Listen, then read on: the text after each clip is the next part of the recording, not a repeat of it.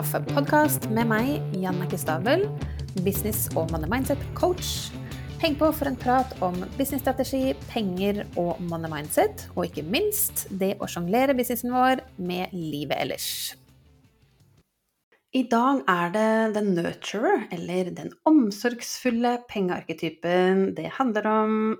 Og eh, det ligger jo kanskje litt i, i navnet. Altså som jeg nevner, dette er jo litt sånne symbolske metaforer. Så den som er veldig omsorgsfull, hvordan er den i forhold til penger, tro?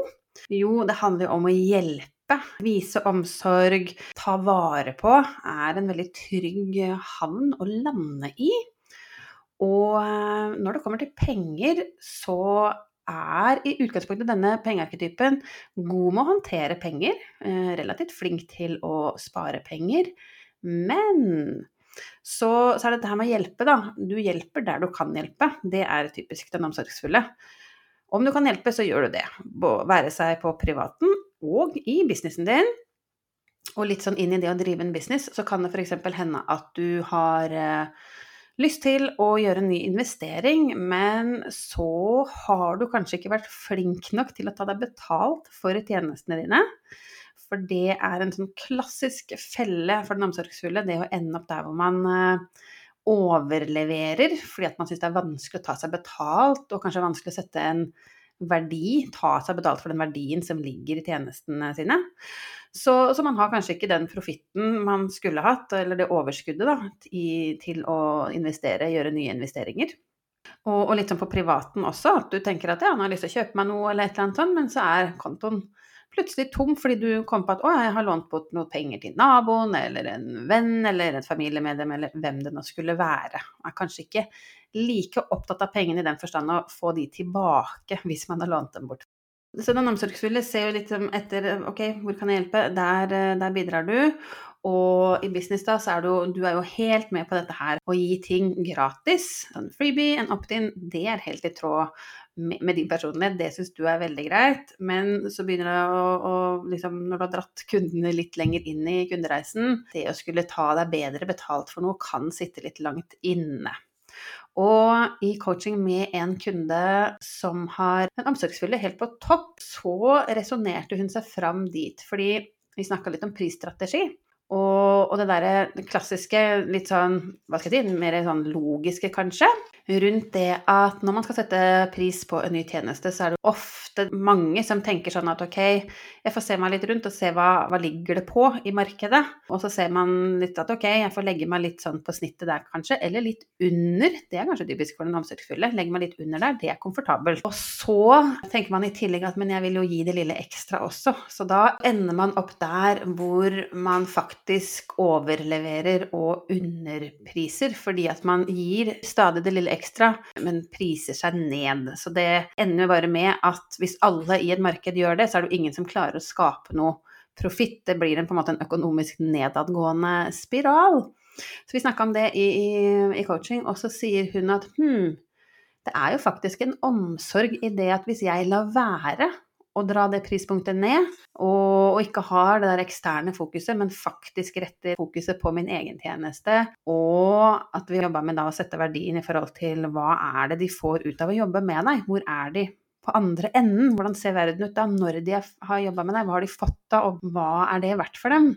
Så sa han at det er en omsorg det for rett og slett for markedet mitt, at jeg ikke er den som er med da, og drar dette prispunktet ned. Så det å klare å se omsorg for ja, for de rundt seg, for eh, nisjenaboene eller konkurrentene sine, da. Det er jo en fin tanke, men det er jo noe sannhet i det, altså. Så, så det er ikke så rart at hun, eh, hun tenkte i de baner, men, eh, men det sitter litt inne. Det mangler litt grensesetting, kanskje, hos den omsorgsfulle, fordi ja, man syns det der er vanskelig. Altså det der å, å skulle begynne å sette en, en verdi på, på den hjelpen man gjør. Og det er jo lett å tenke at det jeg gjør, det er ikke så mye, det er jo bare skal vi hjelpe litt her og hjelpe litt der, men, eh, men det nytter ikke. Da klarer vi ikke å holde oss i business, rett og slett. Så det er en sånn, litt sånn naturlig sjenerøsitet liksom ligger veldig sånn autentisk for den omsorgsfulle. Og det der å ikke ha penger igjen, eller ikke ha den profitten, det gir jo litt sånn, kan jo lede til pengestress. Det er ikke et godt sted å være.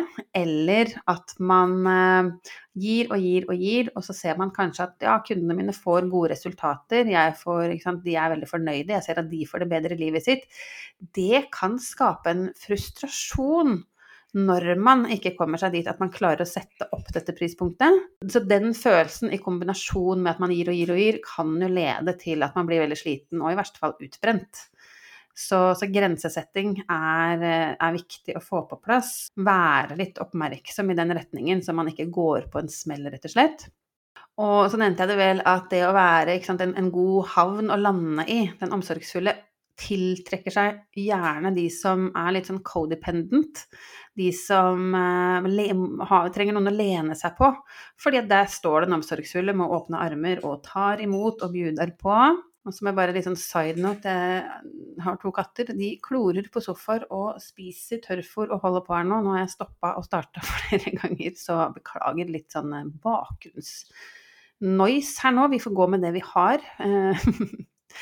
Men, men ja. Um, så, så, det der med grensesetting, det å sant, si nei, er vanskelig for en omsorgsfull. Er dette her deg? Begynner du å kjenne deg igjen i at ja, dette her høres kjent ut? Følelsen av at du lar deg utnytte, kanskje. Det er som, som sagt, det er jo det der når du ser at, at, du gir og du gir og du gir, og så får du ikke nødvendigvis noe tilbake. Og det er jo ikke det at du vil ha noe tilbake, men jeg tror du skjønner litt hva jeg mener hvis dette her er deg. Så hvis du trenger, altså hvis du ser nå at du har en tjeneste f.eks. hvor du ikke klarer helt å se verdien eller klarer å sette opp prispunktet, så få hjelp med det. For det, man blir ofte gående da og føle på en litt sånn en uggen følelse, rett og slett. Og, og egentlig begge, de, begge veier, da.